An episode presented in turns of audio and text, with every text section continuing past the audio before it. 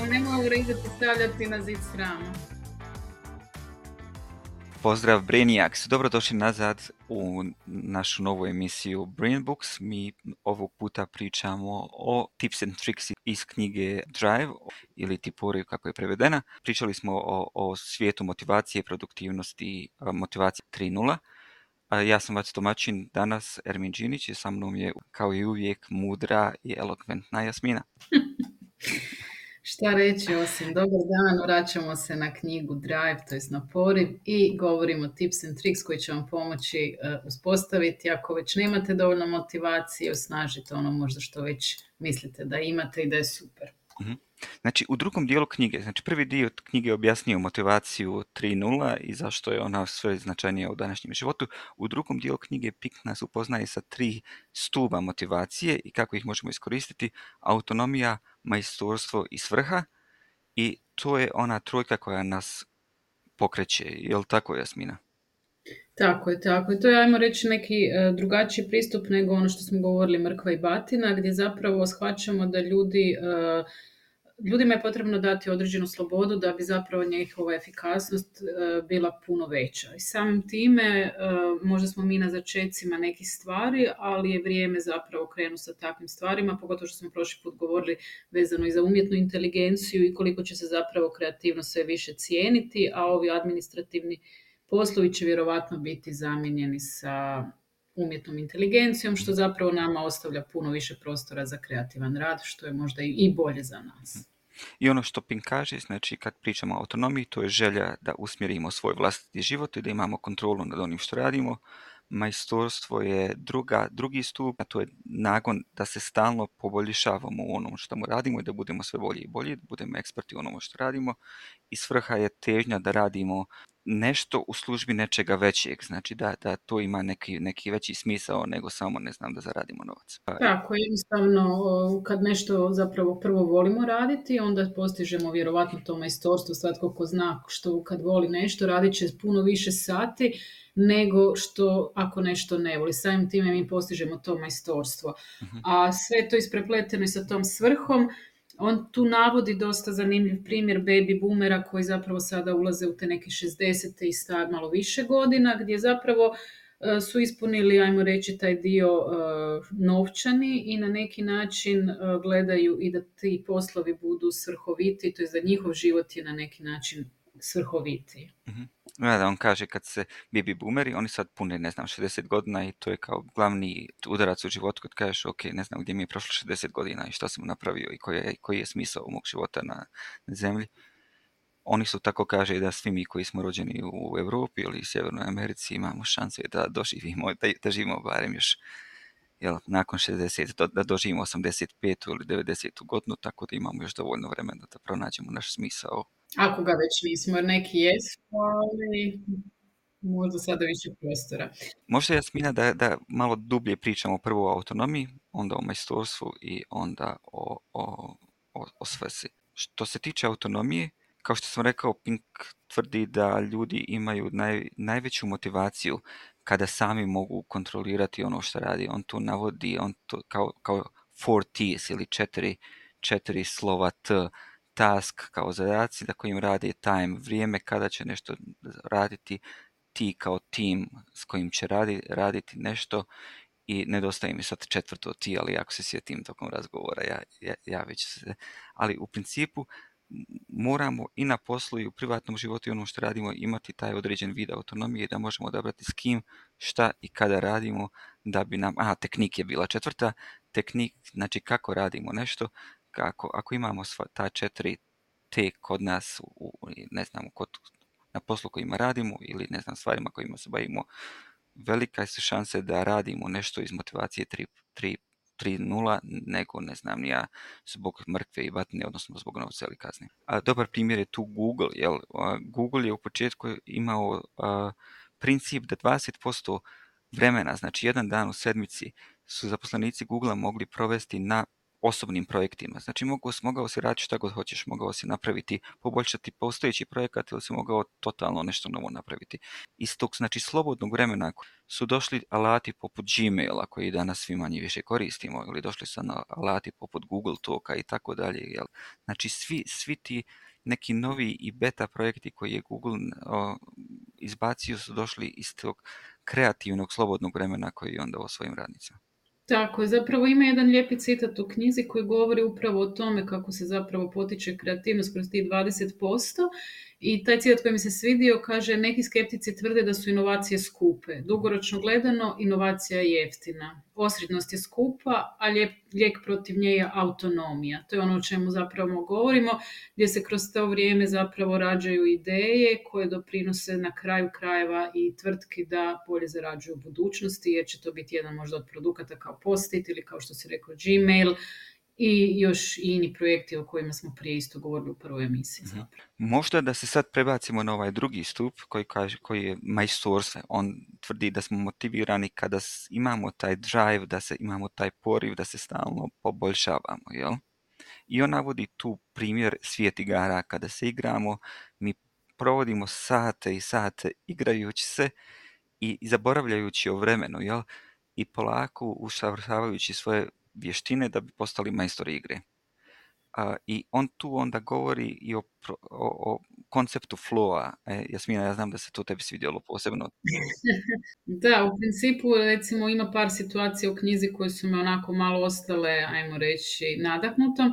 E, zato što dijelim stvarno mišljenje, a vjerujem je većina slušatelja, to je slušateljica, gdje zapravo kada uđemo u taj flow, mi izgubimo i pojam vremena i prostora. Meni se to dogodilo u nekim, u nekim e, stvarima koje sam radila, koje jako volim. Između ostalog i kad sam pisala knjigu, Eh, u nekim trenucima totalno čovjek izgubi i ima samo tu motivaciju i želi što bolje nešto između ostalog napraviti. Tako da mislim da se ta motivacija i flow prožimaju. Jednostavno kad uđemo u to stanje, želimo da nešto iz toga ispadne ono, najbolje što može. Eh, to ne moraju biti samo neki intelektualni zadaci, to može biti evo, igranje nogometa, a pretpostavljam da ljudi koji igraju nogomet, ja ne pa ne znam, tako da vjerujem da će mnogi ljudi naći sebe u radnjama koje vole raditi. Mhm. Ono što vidim u poslovnom svijetu, i o tom smo pričali prošli puta, da se često ti dosadni poslovi gamificiraju, znači uvode se ti elementi igre, skupljanja pojena i tako dalje, da te dovedu u tu situaciju da ti imaš ošaj, da si u tom flow i fokusiran da dobiješ više pojena iako odrađuješ posao. Karatka digresija, meni to ide na život. zato ja neću da Duolingo jer mi je da ono mi tu neko bodove stavlja. Tako da opet ovisi od osobe. Da, a, kod mene pali, ja sam ono brainwashed, tako da sve ok.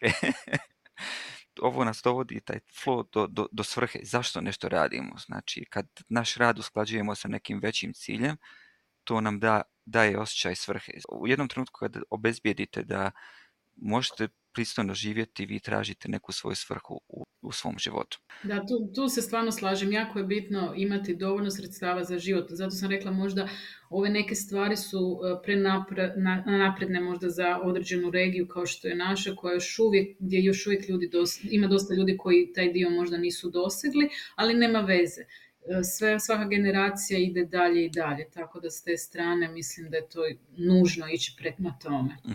uh smo to čini mi se prošli put u, u našoj emisiji. Znači, razlog zašto mi radimo ovaj podcast nije financijskog razloga, nego je motiviran nekom većom svrhom da podijelimo znanje sa, sa našim slušateljima jel? i da, da prenesemo ono što smo naučili.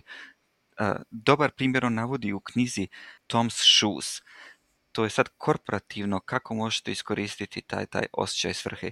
Tom's Shoes u principu kaže za svaki par cipela, odnosno tenisica prodan, oni doniraju isti takav par e, nekom dječaku ili djevojčici kojima je to potrebno u zemljama u razvoju. Jel? Koliko god sad mi u faktologiji govorili kako nema zemalja u razvoju, ali u principu Tom, Tom Cipele kaže ako kupite, onda ćemo mi isti takav par pokloniti nekom drugom kome je to potrebno. To bi mene iskreno motiviralo da dam malo više novca i kupim skuplje tenisice nadajući se da ću kroz to napraviti još bolje dijelo i dati iste takve bolje cipelice nekom drugom. Tako je, kada gledamo sada i ulaganje mlađe generacije, pošto sad dajemo reći u zapadnom svijetu, mlađe generacije ipak raspolažu sa više novaca, oni će isto tako ulagati u projekte ili dionice za firme za koje se smatra da odgovaraju nekim načelima.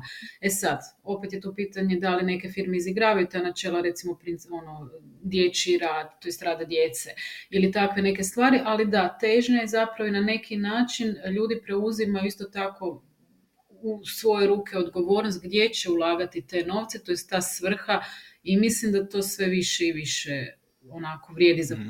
više ljudi. Da, da. Imate čak i pojam ethical banking, Gdje, gdje a, i banke pokušavaju poslovati na etičnom principu i vrlo rado sam klijent ili, ili ulažem u banke koje ne ulažu, ne znam, nija u poslovanje sa oružjem ili sa alkoholom ili ne znam, nija bilo čim drugim što ja smatram da ne bi bilo ovaj, u skladu sa nekim normama koje ja poštujem. Tako da jako puno banaka imate u vremenu koje se oslanjaju na etične principe poslovanja.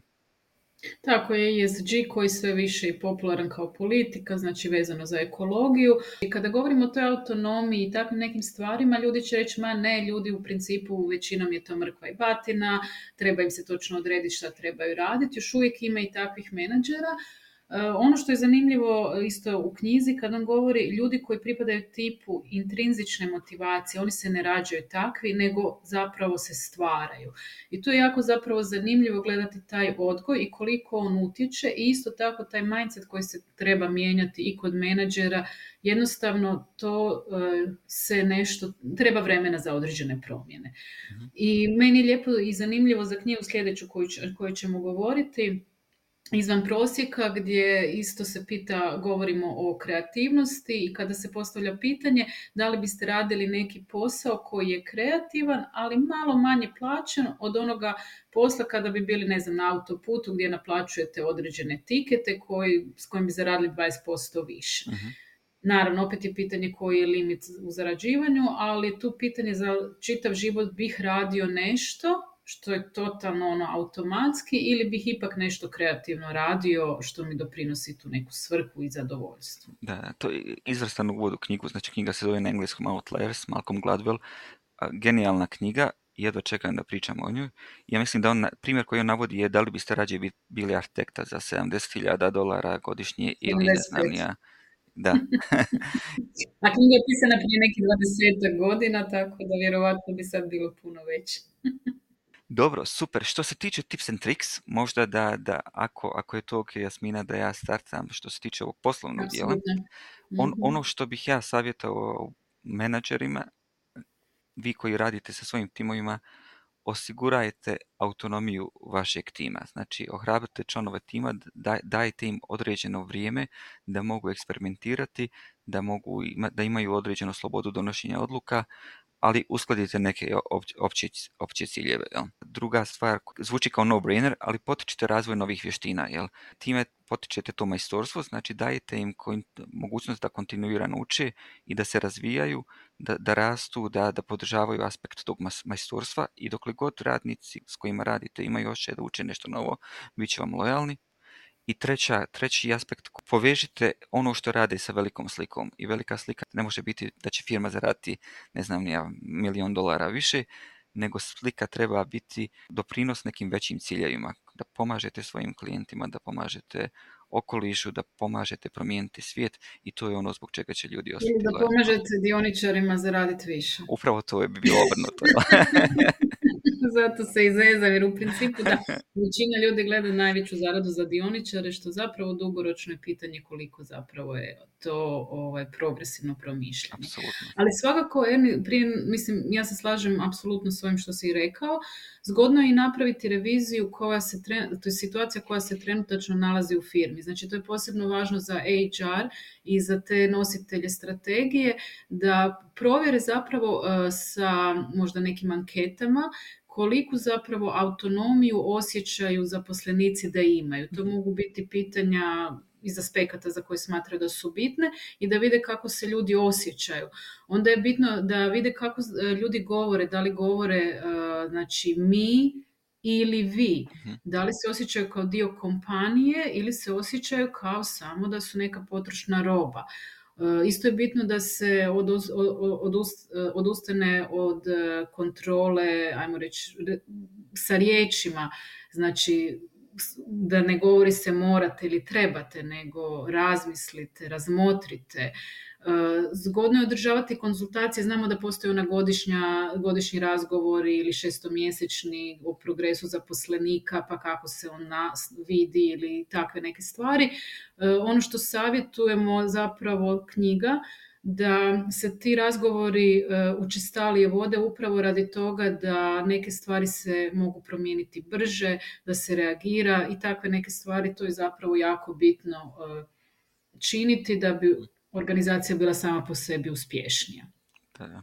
I on, tu navodi ni, jedan sportista ne čeka kraj godine pa da napravi review kako, kakav je bio u treningu, nego u principu se taj review radi nakon, ne znam, nije svakih, svakih svakog trčanja ili svakih par sedmica i tako dalje, da bi, da bi mogli popraviti. Odlična usporedba, da, apsolutno. Mm. A to zanemarujemo zapravo kada smo u velikim, pogotovo u velikim organizacijama. Mm. I ono što on isto govori, potičite doživlje se u skupinama, znači da, da se ljudi formiraju različite grupe prema svojim nekim željama, između ostalog da rade na raznovrsnim temama gdje nema natjecateljske zone, znači da zapravo e, se osjećaju ljudi dijelom tima, da izmjenjuju zaduženja. Tako da sve, svi ti napuci su u principu jako dobri da bi razvili tu kulturu svrhovitosti unutar neke kompanije. Mm. da, da. On tu isto kaže, napravite znači, tim koji želite da je kreativan mora biti isto diverzan, znači mora biti različiti, ljudi različitih profila i da, mogu učiti jedni od drugih i onda napredovati kao tim. još jednu stvar možda kad pričamo, da pomenemo ovi dani FedExa, znam da si ti pričalo o tome Jasmina, firma koja se zove Atlassian, koja je jedna od nepoznatih informatičkih firmi u svijetu, oni su uveli to kod sebe, u principu to znači da bi u četvrtak poslijepodne krenuli sa implementacijom, podijelili bi se u timove i timovi bi radili na, na bilo čemu što, što žele. Jedini uvjet bi bio da je u petak oko 12 sati bi bila prezentacija onoga što je svaki tim napravio i to zovu dani FedExa ili dani brze pošte. FedEx je ovaj delivery company u Americi. Za 24 sata. Da, zato što za 24 sata, odnosno preko noći, dostavi jedan, jedan produkt. Ja sam i, i osobno imao priliku učestvovati u tako par ovaj, projekata, vrlo, vrlo, vrlo kreativni, vrlo motivirajući, pogotovo kad vidite ne samo što ste vi napravili, nego što su i drugi timovi uspjeli napraviti u tako kratkom vremenu. Da, to možemo onda i povezati e, u, u preporukama za roditelje i pedagoge, gdje e, se sugerira i roditeljima, ali i pedagozima, to nastavnicima, da sa djecom isto tako organiziraju takozvane te dane FedExa, nazovite ih kako hoćete, djeca izaberu neki problem, zadatak što bi željele rješavati i nakon toga sljedeći dan dođu sa određenim prijedlozima kako oni vide rješenje tog zadatka. Ako je moguće u grupi, super, ako ne, vi kao roditelj možete sa svojim djetetom samostalno, tako da evo to je isto jedan, eh, jedno povezivanje ta, upravo tog rješavanja kreativno problema i eventualno generiranje novih ideja. Čisto da se razvijaju takvi neki pristupi. Da, I to, to je upravo ono, potičete time autonomiju djeteta, da samo odlučuje, ne znam, nija istražuje svoje interese, da, da implementira različite mehanizme i aktivnosti da bi, da bi napravili nešto. Tako je. Plus e, on govori o tome da pedagozi provjere, znam da je to teško i možda ponekad u školama gdje imamo puno djece iluzorno E, reći, ok, dajte vi kao profesori, sad je pitanje koliko imaju i ovlasti, provjeriti koliko e, ti zadaci koje djeca rješavaju doprinose izvrsnosti, da li oni razumiju cjelovitu sliku, zašto učimo nešto iz povijesti, zašto učimo nešto iz matematike, probati im E, nekako to povezati, predoći da bi shvatili jer jednostavno ako će samo učiti količinu podataka na kraju će doći u probleme u kasnijem razdoblju kada zapravo će biti teško povezivati neke stvari. Ali kažem to su koraci koji su početni. Mhm. I tu, tu, tu on kaže isto kad, kad radite sa djecom, znači umjesto da se fokusirate samo na postignuća djeteta i da hvalite, evo baš si to prekrasna slika, super si to nacrtao i tako dalje, da pa ne napravite od djeteta feedback junkie, nego da pokušavate pohvaliti njegov napor koji dijete ulaže u svoje aktivnosti i onda to kod djeteta usađuje taj mentalitet stalnog poboljšanja i od malih nogu ga učite da, da, da napreduje i da se uči majstorstvu. Tako je, pohvaliti njegov trud, ali i strategiju, kako je došlo do određenih rješenja, šta bi mogao poboljšati. I bitno je to pohvaliti odmah da dijete može to povezati sa time i isto tako neka ta pohvala bude konkretna. Da znači se točno zna i ponekad je potrebno to na samo djetetu reći jer postoje djeca koja isto tako ne vole da budu okruženi skupinom kada se to radi, mhm. pogotovo ako je to u školi. Tako da postoje različite te neke metode. I ono što smo govorili, mislim, prošli put, e, da im se dađe parac, ali ne kombinirati sa obavezama kao recimo ono bacanje smeća. Znači, mhm. to je neka obaveza unutar kuće koja se treba obaviti zato što je to svrha da imamo čistu kuću, a ne zato da netko bude plaćen za neki posao. Upravo tako, znači to je, to je, to je ova svrha, znači objasnite im da to ima veću svrhu, da su oni dio porodice, da se od njih očekuje da pomognu, da njihov rad doprinosi čistom i organiziranom prostoru, recimo to tako, i time jačate ideju svrhe. I znam, znam iz par primjera od prijatelja koji su krenuli tom metodologijom, ok, za svako bacanje smeća dobit ćete 2 eura ili tako nešto, a nakon što djeca porastu, onda, onda im taj, tu njihovu obavezu pretvarate u posao, iako je taj ugovor za svako bacanje smeća 2 eura, onda oni mogu i odbiti taj posao i reći ok, meni ta vaša 2 eura ne treba, ja i onako imam dovoljno da jedem i sad mi se ne, ne baca smeće trenutno. I sam ja za neke tineđere, upravo tako mhm. kažu, ovaj, sad zarađujem, mogu zapravo kao student zaraditi više, zašto bi ja radio nešto doma? da, da, zato što im je to posao posao umjesto neki purpose, neka veća svrha, jel tako? Apsolutno, apsolutno. E, ono što bih ja svakako rekla je da je meni jedan od najvećih tekveja knjige e, bio zapravo bila zapravo percepcija prema inteligenciji. E, znači, ta inteligencija koja se kod dosta ljudi smatra da je ona, ajmo reći, dana i da se ne može razvijati, u principu pokazuje se različitim primjerima u knjizi da je ona također moguća promjen, to je podložna promjeni i da je mi možemo usavršavati i čim imamo takav stav da nešto možemo poboljšati, mi već imamo mogućnost prosperiteta. Apsolutno se slažem, Jasmina, i meni je to jedan od e, tkv knjige, znači možemo uvijek težiti tom nekom majstorstvu i poboljšanju vještina. I sljedeći put radimo genijalnu knjigu koja je meni nakon 20 godina isto tako odlična, koja mi još uvijek ista poglavlja koje sam i prvi put zavoljela i sad su mi genijalna i bilo mi je gušt ponovno je čitati i slušati prije toga audio, tako da evo ga, jako, jako se radujemo jer napokon smo našli jednu knjigu koja je oboma odlična. Apsolutno se slažem. Outliers, to je nešto što prvo morate preslušati podcast, a poslije toga morate pročitati knjigu jer je stvarno knjiga koja će vas zapanjiti. Tako je, s ste se mogli švercati, ne pročitati knjige, ali sa ovu jednostavno on je odličan pripovjedač i bilo bi zaista šteta ne pročitati. Time završavamo još jednu epizodu uh, Brain Books. Nadamo se da ste uživali u našem istraživanju drugog dijela knjige Drive od Daniel Pinka. Kao i uvijek, Javite nam se na društvenim mrežama, podijelite s nama svoje misli. Do sljedećeg puta nastavite težiti autonomiji, usavršavanju svog znanja i pronalaženju svrhe u onome što radite. Hvala vam puno i do slušanja. Erni, mislim da je to to. Ćao.